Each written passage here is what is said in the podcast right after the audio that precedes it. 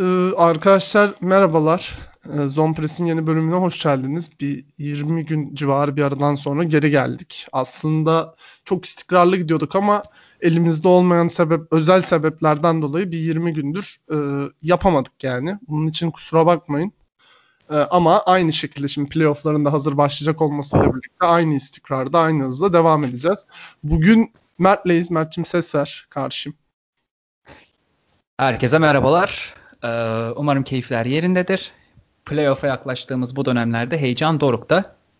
Şimdi playoff değerlendirmesi yapacağız Mustafa ile Evet açıkçası bugün e, çok böyle podcast'ten önce hazırlama yani planlı şu planda gidelim demedik. Biraz e, playoff öncesi bir takımların hazır 20 gündür yapmıyorken bir minik hem son durumuna bakarak hem de playoff ufak ufak senaryolarını konuşarak playoff'ta eşlenmek eşleşilmek istenen, eşleşilmek istenmeyen takımların neden eşleşilmek istendiğine veya neden eşleşilmek istenmediğine bakıp playoff'ta genel olarak ne olur bunu konuşacağız. Tabii e, şu play'in turnuvası başlıyor bu pazartesi olması lazım. Play'in turnuvasından sonra bir tamamen bir netleşsin playoff e, yerleri. O zaman bir de bir tahmin podcast'i çekeceğiz size. Ama bugün batıdan başlayacağız. Ee, Batı ile başlayacağız yani. Batı'da playoff senaryoları ne olur, nasıl gider ondan gireceğiz. Şöyle başlayalım Mert istiyorsan direkt hiç hız kesmeden. Şimdi bu NBA'in şeyine bakıldığında ya yani şu anki sıralamalarına bakıldığında ilk dikkat çeken bir play'in tarafından başlayalım. Burada Lakers. Yani şöyle şimdi play'ini oynamayı e, yani play'in şu oluyor yeni dinleyiciler için şöyle söyleyeyim. Artık NBA geçen senenin sonuyla birlikte yeni bir e, sistem getirdi konferansların ilk 6 takımları direkt playoff'a gidiyor. 7. ile 8. arasında maç yapıyor. 9. ile 10. arasında maç yapıyor. Sonra da 7. ile 8.'nin mağlubuyla 9. ile 10.'nun galibi bir maç daha yapıyor. Böyle playoff'a gidecek son iki takımı böyle belirliyorlar. Yani şöyle söyleyeyim 7. ile 8.'nin kazananı playoff'a gidiyor. 9. ile 10.'nun kazananı da 7. ile 8. karşılaşmasının mağlubuyla yapıp kazanan da 8. olarak playoff'a gidiyor. Böyle çok özet olarak gidersek böyle bir sistem var. Şimdi şuradan başlayalım.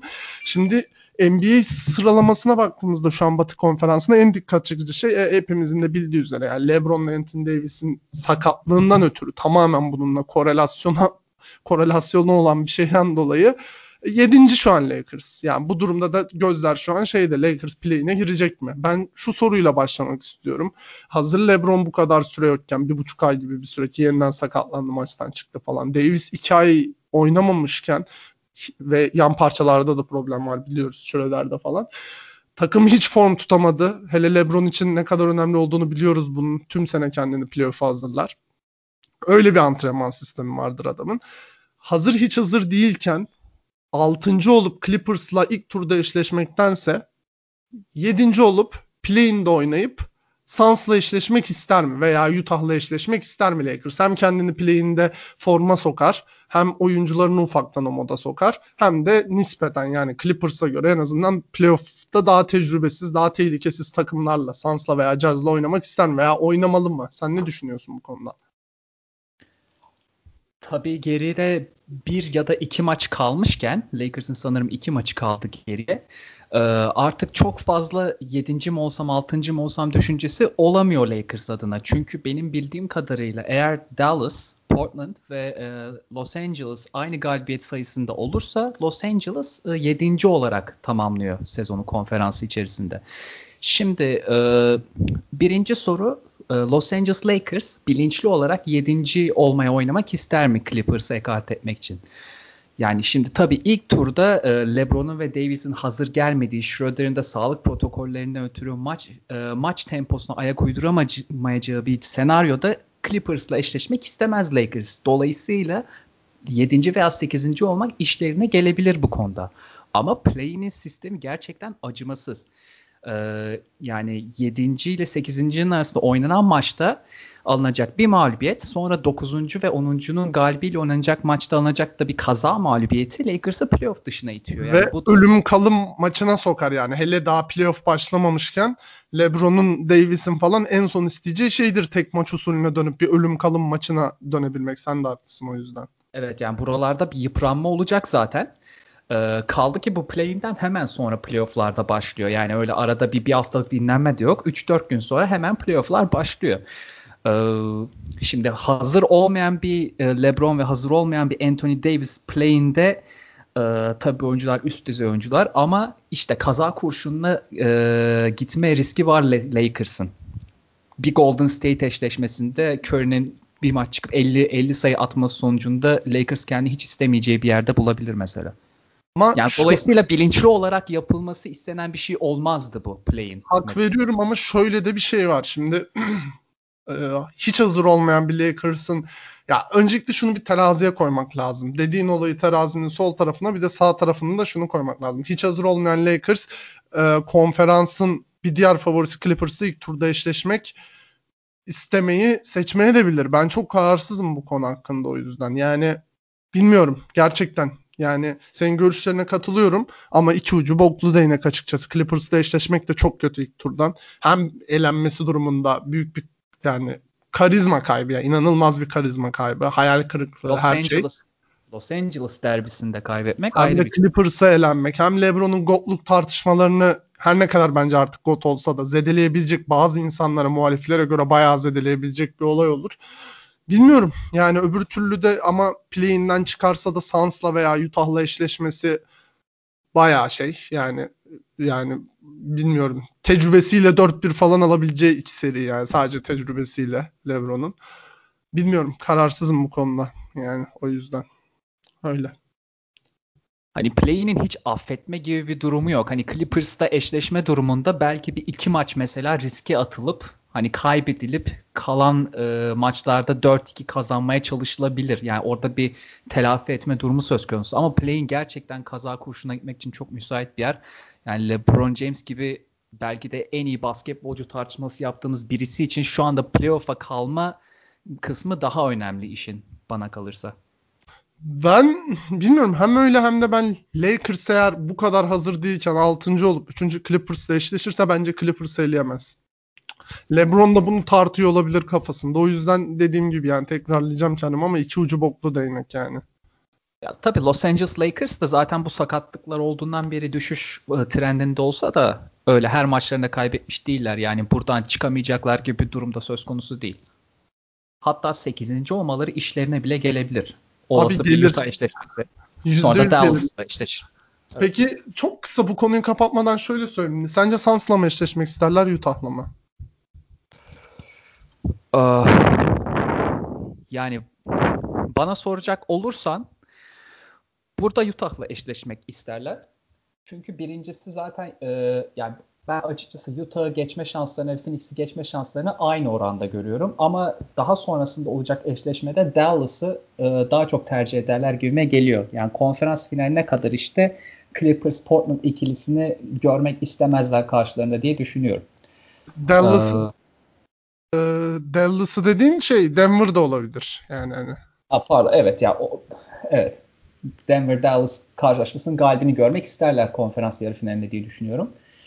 Ee, yani takım bazında baktığımda Utah tabii e, playoff'ta kendini daha çok e, kanıtlamış, daha çok sistemine oturtmuş bir takım. Bu bakımdan Phoenix'e karşı dezavantaj olabilir onlarla eşleşmek ama e, ne olursa olsun eğer uzun vadeli düşünüyorlarsa Utah'la eşleşmek daha çok işlerine gelecektir bu senaryolar. Ya ben Utah Suns özeline baktığımda da Lakers için bakıyorsak yani normalde Suns'la eşleşsin derdim de sanırım Utah'la eşleşsin derim şu an ya. Yani neden Utah'la eşleşsin derim. Donovan Mitchell hala dönemedi. Ee, bir büyük ihtimal playoff'un ilk maçında dönecek. Belki sezonun son maçında oynar bir ortamı tekrar solmak için ama hele kendisiyle aynı durumda bulunan bu sakatlık sonrası dönüşle ilgili Donovan Mitchell ana yıldız her şeye rağmen Donovan Mitchell o takımın ana üreticisi. Böyle bir durum varken Utah'ta da Utah'la eşleşmek isteyebilir açıkçası diye düşünüyorum ki Utah çok formsuz şu an. 4 maçtır evet. da kaybediyor. Çok kötü geliyor. Pardon 2 maçtır kaybediyor. Ee, onlarla eşleşmek isteyebilirler yani.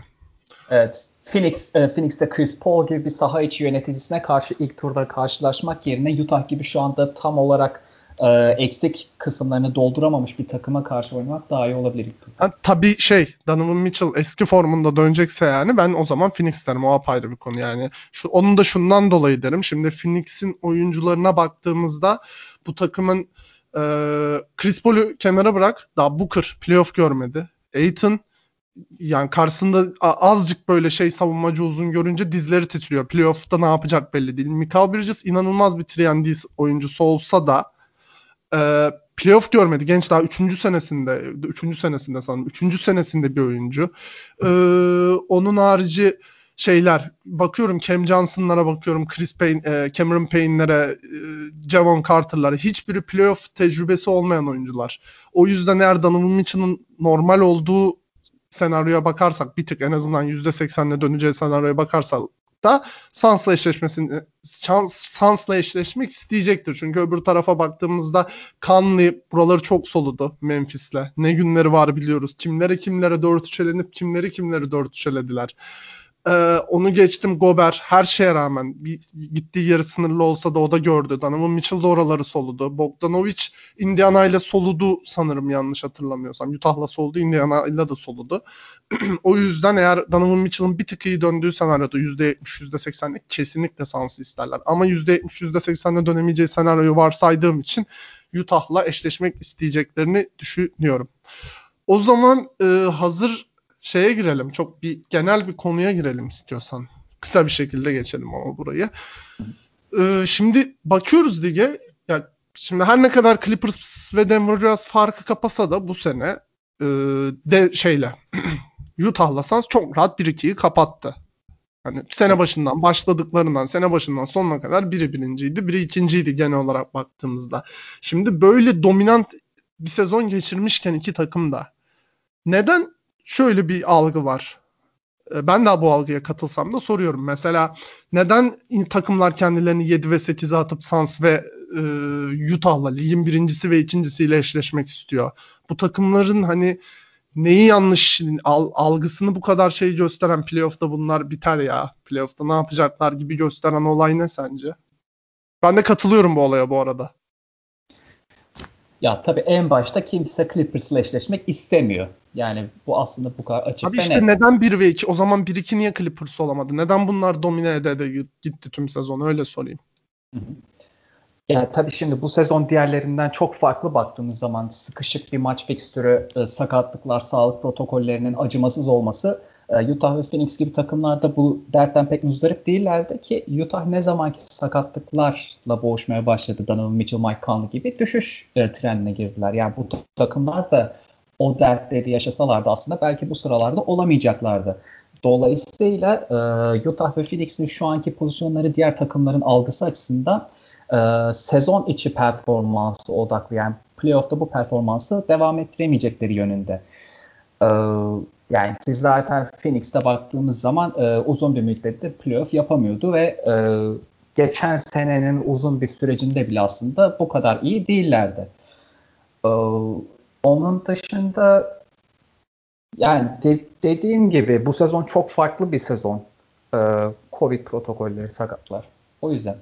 Ben de bir yorum yapayım istiyorsan. Yani şöyle öncelikle Sans'ı az önce sebebini saydım. Yani Chris Paul hariç takımın baktığımızda Aiton'lar, Bridges, e, Booker, sonra yedeklerin temel parçaları hiçbiri playoff havasını solumayan oyuncular. Koçu koçundan emin değilim. Ona yorum yapamayacağım. Chris Paul ki Chris Paul'ün de gidebildiği yer belli. Her şeye rağmen. Çok iyi bir şef olsa da bu sene özelin, özellikle. Chris Paul'ün de gittiği yer belli. Diğer oyuncuları hiç playoff havasını solmadı. Bu yüzden Sans'ın oralarda ben e, tutunamayacağını düşünüyorum ya. İlk turda bile gidebilirler. Benim kendi fikrim. Jazz tarafına girdiğimizde olay daha farklı bence. E, oyuncuları playoff atmosferini biliyor. Ama Jazz'ın sıkıntısı şu. Ya benim kendi fikrimde şöyle Jazz'ın ilk beşine baktığımızda Conley, Donovan Mitchell, e, Royce O'Neal, Bogdanovic, Rudy Gobert eğer bir hatam yoksa. Ya şöyle hmm. E, starlarına bakıyorum. En büyük üreticilerine bakıyorum bu adamların. Donovan Mitchell. Ama şu algı yok benim kafamda. Donovan Mitchell e, gider playoff'ta alır tüm şey. Ya aslında geçen sene şimdi bunu söylerken biraz fikir de değiştirdim. 50-50 attığı maçlar geldi aklıma ama takıma baktığımda şöyle şey yok. Hani gider alır tüm ipleri eline kendisi oynar, takımını oynatır, paramparça eder gibi bir algı. Donovan Mitchell her ne kadar bir All-Star oyuncusu olsa da sadece o kadar. Hani All-Star adam düz All-Star bir oyuncu. Böyle bir yırtamayacaklar bence playoff'ta. Karşıdaki takımı böyle sıkıştıramayacaklar. Üzerine üzerine gidemeyecekler. Öyle bir oyuncuları yok anlatabiliyor muyum? Hani Gober desen savunmanın şefi. Conley desen her her ne kadar bu sene çok iyi olsa da çok mütevazi bir oyuncu yani. Her şeyi kusursuz yapan mütevazi bir oyuncu.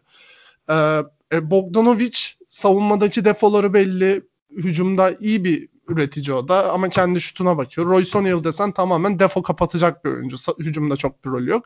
Burada olay Donovan Mitchell'a kalıyor biraz. Ama Donovan Mitchell da e, dediğim gibi o, o oyuncu değil gibime geliyor benim ya. Yani playoff'ta tüm dizginleri eline alıp böyle paramparça edecek karşı takım. Seri alacak oyuncu değil gibime geliyor. Hani mesela bir Donovan Mitchell yerine abi sanki ya bilmiyorum abartı olacak biraz ama Kavay gibi bir şey lazım onlara ya. Hani Utah'ın tepeye çıkması için Kavay gibi alıp böyle tüm maçı arkasında götürecek bir şey lazım gibime geliyor. Olmayacak gibime geliyor. Hem takımda dağılan rollerden hem de Donovan Mitchell'ın daha ya öyle bir oyuncu hiçbir zaman olamayacağını düşündüğüm için. Katılır mısın bilmem. Yani aslında sendeki algı ve genel algıda Donovan Mitchell'ın skorer olsa bile istikrarlı bir skorer olamadığı yönünde. Yani e, Kevin Durant ve Kawhi Leonard sınıfı skorerler e, maçı %50 şut yüzdesiyle tamamlayabilen e, oyuncularken Donovan Mitchell ve hatta Devin Booker gibi oyuncular biraz daha %43'lere, 42'lere, 43'lere kayıyorlar. E, bir de bu oyuncular tabii nispeten kısa oldukları için e, Kawhi gibi işte Durant gibi boylarını oraya girecektim. Oraya girecektim. Boylarını evet. kullanarak da sayı üretemiyor. O yüzden böyle bir algı var ama Utah'ta şöyle bir enteresanlık var. Yani bu takım e, bu seneki e, Bogdanovic işte e, bir de Clarkson eklemeni hatta Kan eklemelerini yapmadan bile playoff'ta hep rakiplerini zorlayan 4-3'lere oynayan bir takımken şimdi o eklemeleri yapıp çok iyi bir hücum takımı olmasına rağmen hala o algıyı yıkamadı. Yani bu da çok enteresan bir durumdur Utah adına ki yani baktığınız zaman sene içinde e, maçlarda da görüyoruz alan paylaşımını çok iyi yapan, çok iyi yayılan sahaya e, üçlük yüzdesi ve üç, atılan üçlük sayısı bakımından da ligin birçok takımdan üstün olan bir takımdan bahsediyoruz ama o algı bir türlü değişmedi Utah hakkında. Bende de var algı. Bir de şu sence şu sıkıntı mı bu takımda? Ee, böyle okey Donovan Mitchell takımın ana bitiricisi. Ama Clarkson playoff'ta ne yapacak belli değil. Bogdanovic'i tam o role koyamıyorum. Hani sanki bu takımı böyle iki tane daha böyle Mitchell'ın yanına böyle biri ikisi de yedeğe olabilir. Alıp böyle paramparça edecek en azından tabii ki üst düzey değil orta düzey bile olabilir yani. Adam lazım sanki. Yani hani böyle bakıyorum yedeklere yedek e, ilk beşe bakıyorum. Royce O'Neal'ı var. Gober var böyle bir oyuncu değil. Kanlı böyle bir oyuncu değil. Ee, diğer ilk 5'teki kişi kimdi ya az önce söyledim. Bogdanovic. Gober, Conley, Royce O'Neal. Bunların ilk 5'in 4'ü böyle oyuncular değil. Yedekten sadece Clarkson geliyor bu tarz. Paramparça edecek. Hani böyle hırçın böyle savunmanın üzerine üzerine gidecek bir oyuncu. Sadece Clarkson var. Ona da ne kadar güvenebilirsin belli değil. Playoff'ta görmedik daha her şeye rağmen tamamen. Bu da belki bir diğer sebep olabilir. Diğer sebep de dediğin olay. Fizik. Bence fizik 1.92 boyunda mı? Ne Donovan Mitchell? Öyle bir şey. 93 mü? 92 mi ne? Yani öyle bir kırıcılığa sahip ol, yırtıcılığa sahip olmamasının bir diğer sebebi de o algıyı vermemesinin bu bence. Ve çok iyi bir pot altı bitiricisi olsa da esnekliğinden türü aslında darbe alıp bitiren bir oyuncu tipi de değil yani. Ve playoff'un sertliğinde o darbeler karşılığında bitiremeyeceği hissiyatı var bizde. Ya e, 50 sayı atacak olsa bile bu 50 sayı %50 şut yüzdesiyle atmadıktan sonra Utah'a çok bir katkısı olmayabilir bunun şutu da hiçbir zaman zaten o elit seviyeye çekemediği için e, fiziği de böyle oldu mu? E, tabii o en üst yani en azından All Star'lıktan Superstar'ın bu yamaçlarına gelebilecek bir oyuncu hiçbir zaman olamadı ama çok beğeniyorum Donovan Mitchell. O da ayrı konu. O zaman Sans konusuna katılıyorsun herhalde. Olay biraz şeye bakıyor yani Chris Paul hariç. Çok gençler ve hiçbir oyuncusunun playoff tecrübesi yok. Hani ve o yani düşündüğüm zaman fizik olarak da ben bu takımın playoff e, sertliği içerisine tam olarak oturtamıyorum. Yani bakıyorsun ilk beşlerine Chris Paul boy kısalığından kaynak gidiyor her ne kadar elit bir savunmacı olsa. Booker fiziği kötü. Bridges ince. Aiton fiziksel temas sevmiyor. Yedeklerde de fiziksel temas seven kuvvetli kalıplı oyuncular yok. Yani Phoenix o sertlikte birazcık ezilebilir gibi geliyor. Ondan dolayı dezavantajı görüyor. Olabilir. Katılıyorum bu kısmında. O zaman şimdi biraz daha şey tarafına gidelim istiyorsan. Bu ben mesela şöyle düşünüyorum açıkçası. Mesela şu an baktığımda bu Batı'nın sıralamasına ee, yani çok bir şey değişmezse fikstürlerine de baktığımızda Mavericks'in fikstürü nispeten kolay. Kolay hatta yani ligin en kolay 4-5 fikstüründen biri son iki maça baktığımızda. Nuggets yerini garantiledi gibi bir şey. Yani şuraya baktığımızda bir Mavericks Nuggets eşleşmesi kaçınılmaz gibi duruyor. Bir sürpriz ee, olmazsa Mavericks hiç güven vermese de kolay takımlara karşı. Evet. Ama öyle duruyor şu anlık en azından teoride baktığımızda böyle duruyor ve ben ilk turun en zevkli eşleşmesi olur diyorum bu eşleşmeye. Jokic vs. Doncic eşleşmesi. Yani mesela çok tatlı bir potansiyel eşleşme bence o. Ve bence şöyle baktığımızda mesela Mavericks'e bakıyorum. Kendim yorum yapayım biraz. Geçen sene Clippers'la eşleşti biliyorsun. Yani Doncic'in gidip o takıma iki galibiyet aldırması mucizeydi. Hani Doncic geçen seneki favori bence Clippers'ta. Lakers değildi benim kendi fikrim. Playoff favorisi. E, favori takıma her ne kadar olağanki durumu bir tık daha farklıydı ama bu takımla iki galibiyet aldıran bir oyuncu. Eze eze iki galibiyet aldırdı hem de. Yani bireysel açıdan eze eze. Kawhi, George falan kimseyi tanımadı karşısında. Bu yüzden bir sene daha yaşlanmış Doncic'in, bir sene daha yaşı ilerlemiş Doncic'in Clippers'a nazaran daha rahat olacak özellikle Jamal Murray'nin gidişiyle daha rahat olacak bir takıma karşı neler yapacağını çok merak ediyorum ben. Ve ben Mavericks Nuggets'ın potansiyel eşleşmesinde bilmiyorum çok mu abartıyor olacağım da Mavericks'i bir tık daha önde görüyorum ya. Yani bunu görme sebebim de şu sanırım. Şimdi bak baktığımda takıma ee, Doncic'i nasıl savunacaklar bunu düşünüyorum. Şimdi büyük ihtimal direkt aklından şu geçiyor. Aaron Gordon var. Abi Aaron Gordon o takımda biraz şu rolde. Mesela yok için pota altı e, savunmadaki defolarını biliyoruz yani artık hepimiz. Aaron Gordon 4 numara oynuyor bu takımda.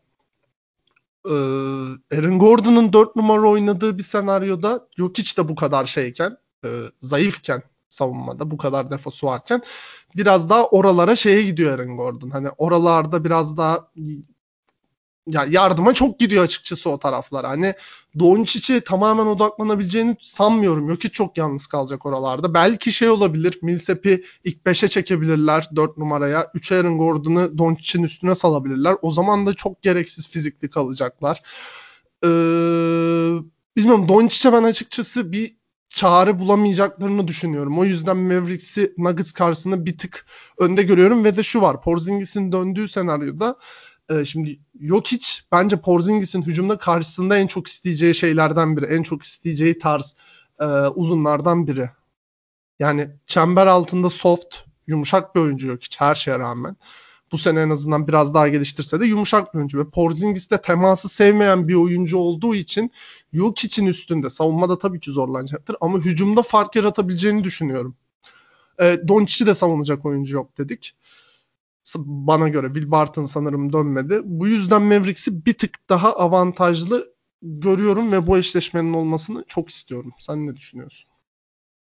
Ya aslında son söylediğin o Will Barton'ın sakatlığı Denver'da birçok e, şemayı değiştiriyor. Çünkü benim Will Barton'ın sakatlığından önce aklımda uzun bir 5 e, beklentisi vardı Denver adına. E, Barton'ı Doncic'e verdikleri işte Porter, Gordon ve Jokic ee, Porter, Gordon, Millsap ve Jokic'ten oluşan hatta bir dört. Yani tam saf bir gardan olmadığı sadece Jokic'in paslarıyla, pas istasyonunda olmasıyla dönen bir hücum bekliyordum.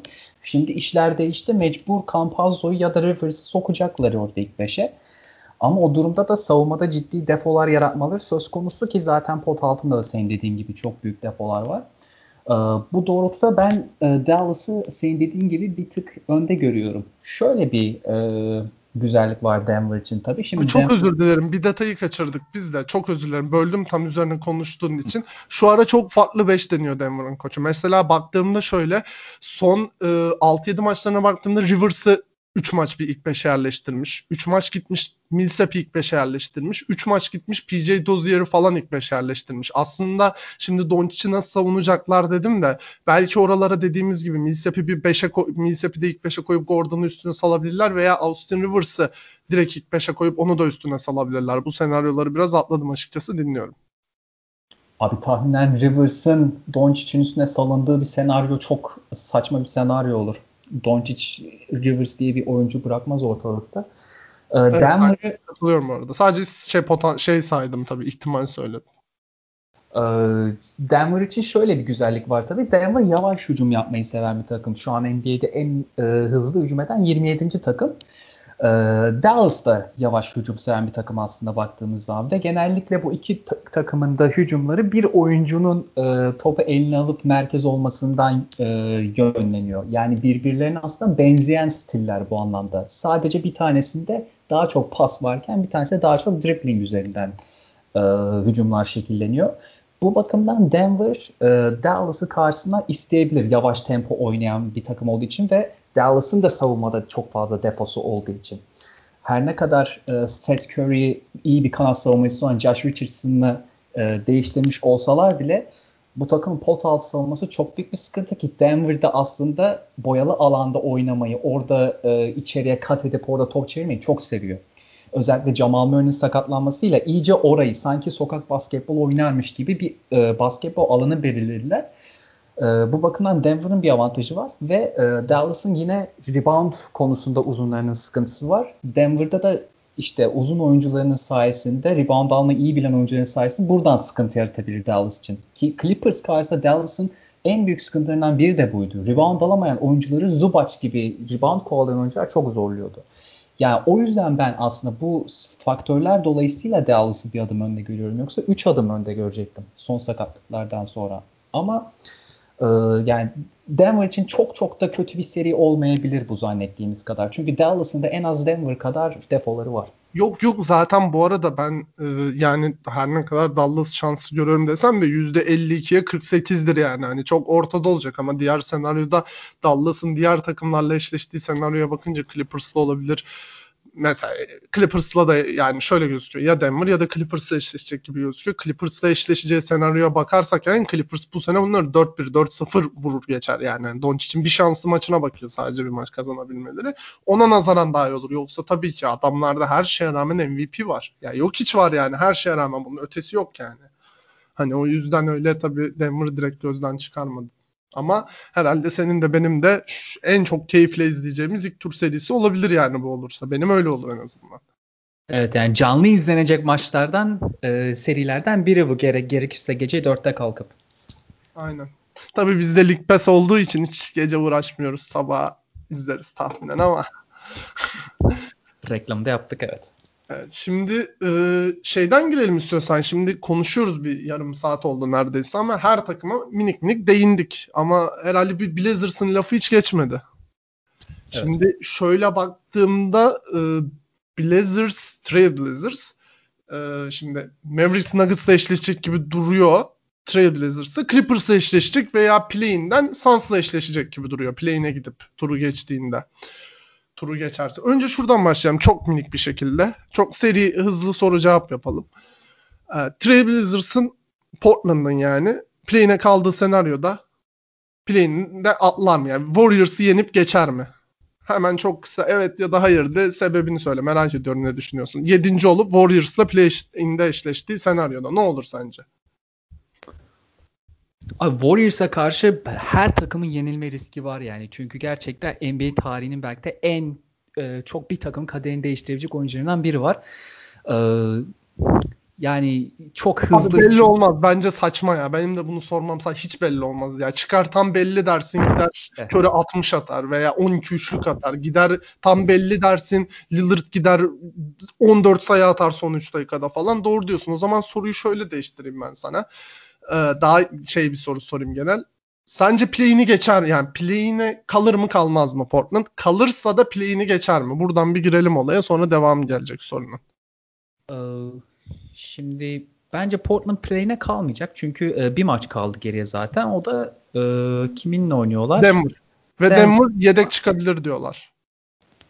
Evet yani hani Denver'ın e, benim bildiğim kadarıyla üçüncülük konusunda zaten bir iddiası yok. Dördüncülüğü garanti altına aldılar. E, dolayısıyla var, bu maçta... Üçte de var. Üçte de bir galibiyet farkı var Clippers'la. Evet. Ama açıkçası onlar için Dallas'la oynamak ve Portland'la oynamak arasında çok büyük bir fark olmayabilir. Yani iki seride çünkü aşağı yukarı aynı e, sertlikte geçecektir. E, ve Portland'ın da Dallas'ın da aynı tarz defoları var. E, şimdi Portland'da öyle bir durum var. Portland'ın e, play'ine kalması durumunda ben aslında play'ini geçemeyeceğini düşünüyorum. Onu da şöyle... geçemeyeceğini. Yani 8. bile olamayacağını. Evet çünkü diğer taraftan gelecek bana kalırsa Memphis gelecek oradan San Antonio. Yani ben Memphis'in e, Portland'a karşı kısalarının iyi savunma yapan ve fizikli kısalar olması, e, uzunlarının da atletik ve rebound kovalayabilen uzunlar olmasına ötürü Memphis'e karşı da çok şanslı olduğunu düşünüyorum. Tabii Golden State elenip sonra Memphis'e karşı bayağı şanssız olacağını düşünüyorum. Evet. Ama işte tabii orada da San Antonio'nun geçme ihtimali var. O da apayrı bir mevzu yani çok karışık aslında. Keşke böyle sormasaydım yani soruyu.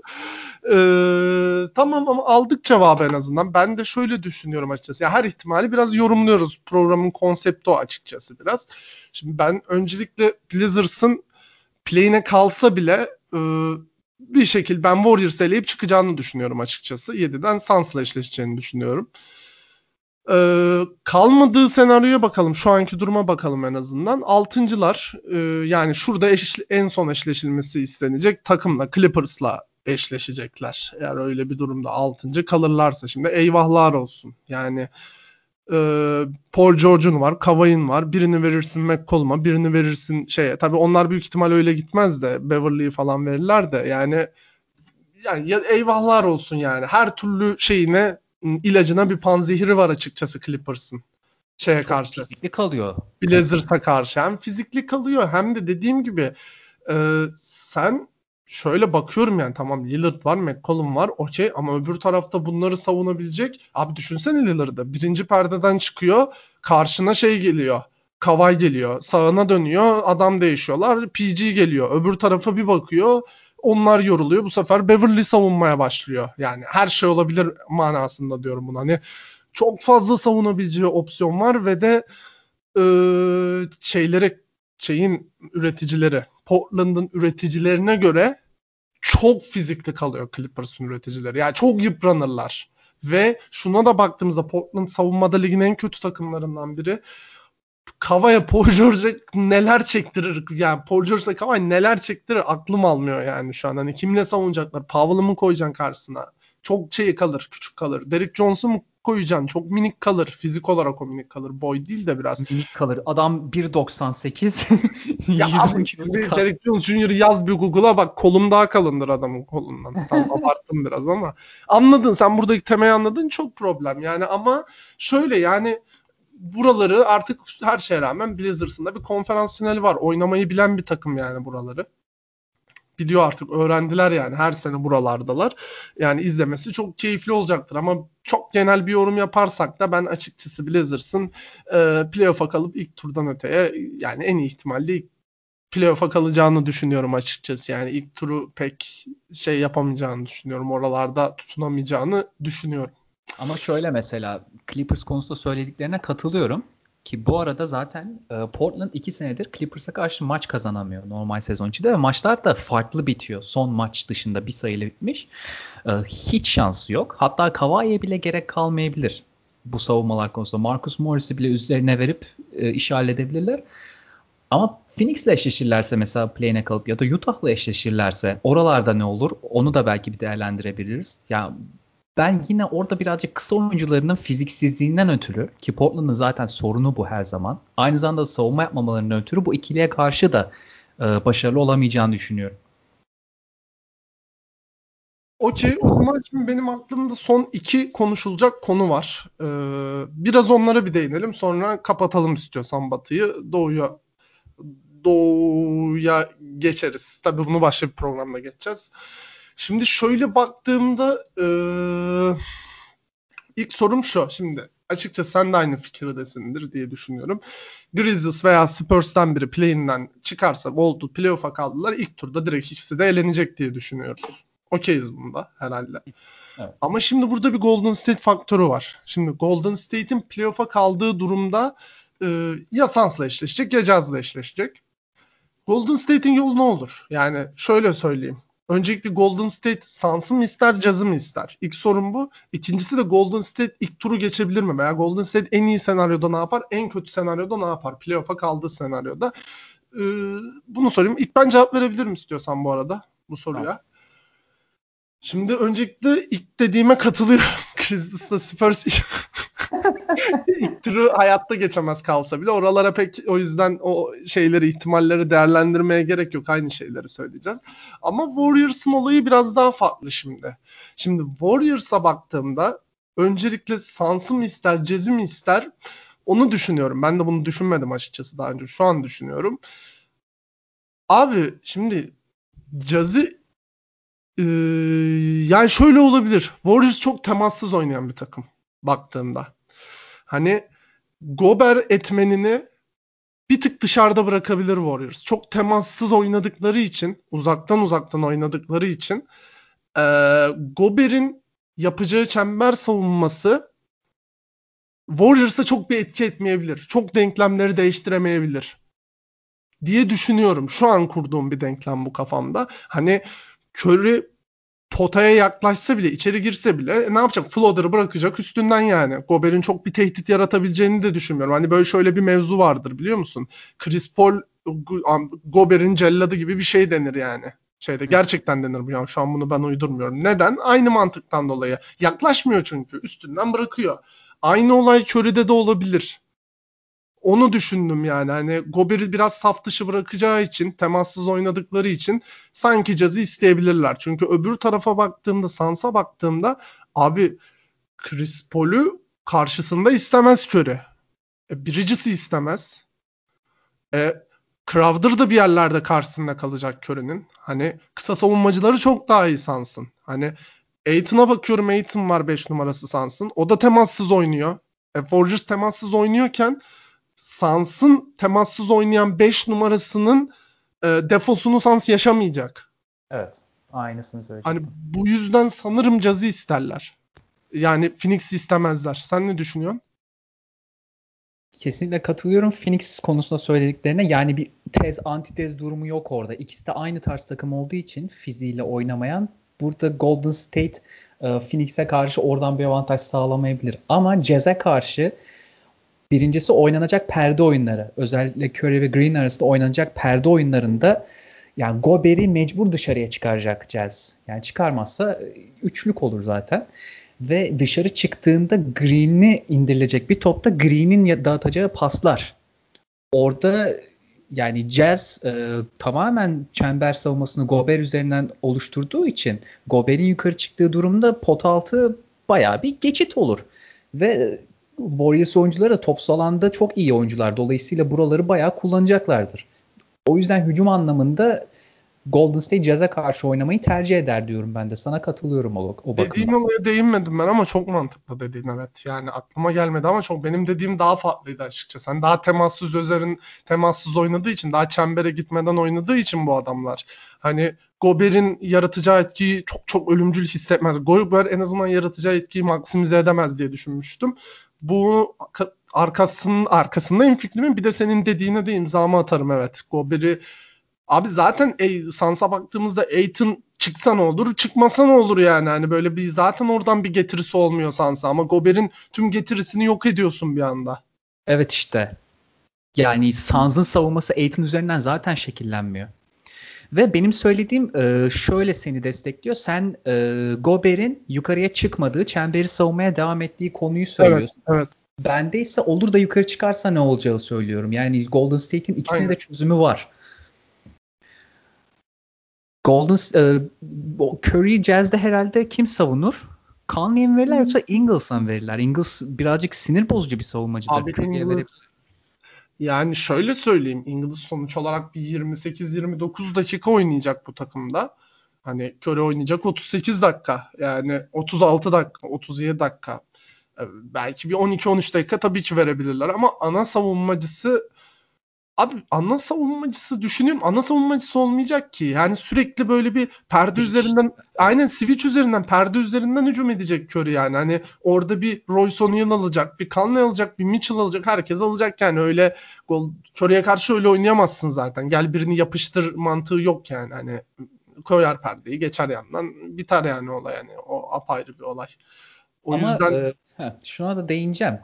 Golden State eğer ki Curry'i birazcık e, yormayalım, topsuz alanda ondan faydalanalım, faydalanalım düşüncesine girerse orada sıkıntı yaşar. Çünkü orada perdeden çıkıp top alamayabilir. Topu getirenin Curry olması lazım bu seride ki tepeden perdeleme oyunu oynanabilsin. Evet, katılıyorum. Bir de tabii şey, Gober'i bir diğer etkileyecek faktör de bence Draymond Green. Şu anlamda Draymond Green. Ee, her an bir Draymond Green yani yapı, yapacağı şeyin tahmin edilemez oyunculardan biri anladın mı? Hani her an bir tetikte olmak zorunda olacak. Tam konsantre bilmiyorum tam tamamlayamadım şu an cümlemi ama orada da bir tetikte bırakmasından ötürü Draymond Green'in Gober'i ee, bir sıkıntı yaşayabilir açıkçası. Tam açıklayamasam da öyle bir durum. O zaman son kısımda şunu konuşabiliriz bence. Hani e, Caz ve Sans dedik ama şu soru üzerinden gittik. Neden Caz ve Sans'ı istemezler? İsterler. Bir de şundan gidelim o zaman tam tersi. Caz ve Sans nereye kadar gidebilir? Hani tabii ki bu eşleşmelere bağlı. %100 eşleşmelere bağlı. O yüzden yapabileceğimiz yorum sınırlı ama şöyle sorabilirim. Caz ve Sans'da şampiyonluk kumaşı var mı diyeceğim. E az önceki soruların az önce verdiğimiz cevapların aynısını vereceğiz aslında. Çok da farklı bir şey vermeyeceğiz burada. Ama şöyle tek sorayım yani. Şöyle söyleyeyim. Birinin şampiyonluk ihtimali daha avant. Ve şöyle söyleyeyim. Birinin şampiyonluk ihtimali var mı sence? Varsa da hangisinin var? Öyle sorayım. Bence ikisinde şampiyonluk ihtimali yok ama birisi daha ileriye gidecekse bu Utah Jazz olur. Buraları daha iyi bilmesinden ve daha geniş bir spektrum. Eşleşmeye bağlı olarak ben de katılıyorum. Utah Jazz olur yani. Eşleşmeye bağlı olarak ama yani her şey yolunda giderse eşleşmelerde de tabii ki Utah Jazz bence de e, bir tık daha avantajlı. Maalesef e, bence Sansa buralarda ileri gitmesi için bir, bir iki sene daha lazım ama orada da problem şu bir iki sene sonra da Chris Paul'un verimi düşecek. Sans'ın geleceği ne olacak bilmiyorum yani. GM'leri kim bilmiyorum ama bir şeyler çıkarmaları lazım. Yoksa bu algı hep devam edecek maalesef. Eğer ekleyeceğin bir şey yoksa batı kısmını bitirelim programı bitirelim yani. Ee, Kısa net öz bir program oldu açıkçası. Konuşmadığımızda bir takım kalmadı bitirebiliriz bence. Ya hepsine şöyleydi amaç aslında. Böyle bir farkındaysanız hani tam senaryolar belli olmadığı için bir playoff tahmini de yapmadık. Bir playoff öncesi bakış attık. Hangi takım eşleşilmek istenir, hangisi eşleşilmek istenmez. Onun harici üstteki takımlarla ilgili program yapmamıştık. İlk dört takımlarla ilgili. Onlara değinmiş olduk. Sans'ı bayağı konuştuk. Jazz'ı bayağı konuştuk. Ee, Denver'ı konuştuk. Clippers'ı konuştuk. Onları da bayağı konuşmuş olduk. Bir programda Batı'yı bayağı çıkardık yani şeyden. Evet. Tek sıkıntımız Clippers'ın defolarını söylemememiz oldu. Clippers'ın defoları da abi Clippers'ın defoları şey abi söyleyeyim söyleyelim beraber çok kısa ikimiz katmalı. Yani birincisi geçen senenin psikolojisi. Bu bir yani geçen seneden kalan bir kafa yapısı var. Ya yine böyle olursa ya yine burada eğlenirsek falan gibi her zaman akıllarına gelecektir. Kendi fikirlerimi söyleyeyim. İkincisi Kavay buraları oynamayı çok çok iyi biliyor zaten. O apayrı bir konu. Ama Paul George her an kafa olarak bitebiliyor playoff'ta. Playoff'larda daha bir e, şey serisi hariç böyle Miami'ye karşı bir iki seri güzel oynamıştı Indiana ile. Onun harici playofflarda doğru düzgün göremiyoruz Paul George'u. Hep bir sıkıntı yaşıyor. Hep bir depresif duruma giriyor. Onun haricinde kendim son olarak katarsam eklersem e, zor anlarda e, tamam Kavay zor anlardaki bitiricisi. Okey. Ama zor anlarda bir topu yönlendirecek oyuncuları yok. Böyle zor anları geçtim genel olarak. Topu kim yönlendirecek bu takımda? Sür takım tamamen bitiricilerden oluşuyor.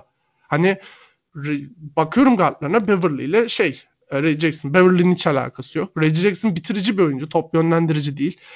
Ee, Paul George'a Kavay'a bakıyorum. Hiç şeyleri yok. Kavay biraz geliştirse de o Paul George sezonun son çeyreğinde bir tık yine geliştirse de top yönlendirici değiller. Bununla ilgili bir sıkıntı yaşayabilirler diye görüyorum. En büyük defoları bu bence. Bir de Ibaka'nın tabii durumu. Playoff'ta Rondo'ya görev düşecektir diye tahmin ediyorum. Aa, Rondo çok özür dilerim. Ben Rondo'nun geldiğini unuttum. Çok evet. çok özür dilerim. Evet şu son yorumumu silat. E, Rondo hamlesinin de kusursuzluğunu bir kere daha söyleyelim yani. Tam tam aranan kandı yani oraya. Yönlendiren birisi olmalıydı. O da Rondo. Top yönlendiriciyle ilgili yorumum hariç hepsi okey de top yönlendirici kısmı evet Rondo geldi. Ben çıkmış aklımdan. Onu çıkarabiliriz. Sen ne düşünüyorsun? Evet. Ya ben de söylediklerine katılıyorum. Ee, senin yönlendiriciye e, değindiğin noktada şunu söyleyebilirim topu yönlendiren birisi olsa bile diğer oyuncuların da bu yönlendirme kısmında esnek olabilmeleri önemli ve Clippers oyuncuları çok fazla da top yönlendirilen senaryolarda esneklik gösteremiyorlar. Kawhi Paul George bunlar çok fazla set içerisinde esneklik yaratabileceğin oyuncular değil. Topu elinde isteyen oyuncular. Yani o bakımdan belki bir yönlendiricileri olması çok da artı yazmayabilir ama bunu birlikte göreceğiz. Sonuçta Rondo playoff tecrübesi çok üst düzey bir oyuncu. Aynen o zaman bitirelim. Süresi de tatlı oldu. Bir 45 dakikada bitiriyoruz. Ne kısa ne uzun. Güzel oldu. O zaman hepinize görüşürüz. Doğu'yu en kısa zamanda değerlendirip onu da paylaşacağız sizinle. Görüşmek üzere. Kendinize iyi bakın. Dinlemeler.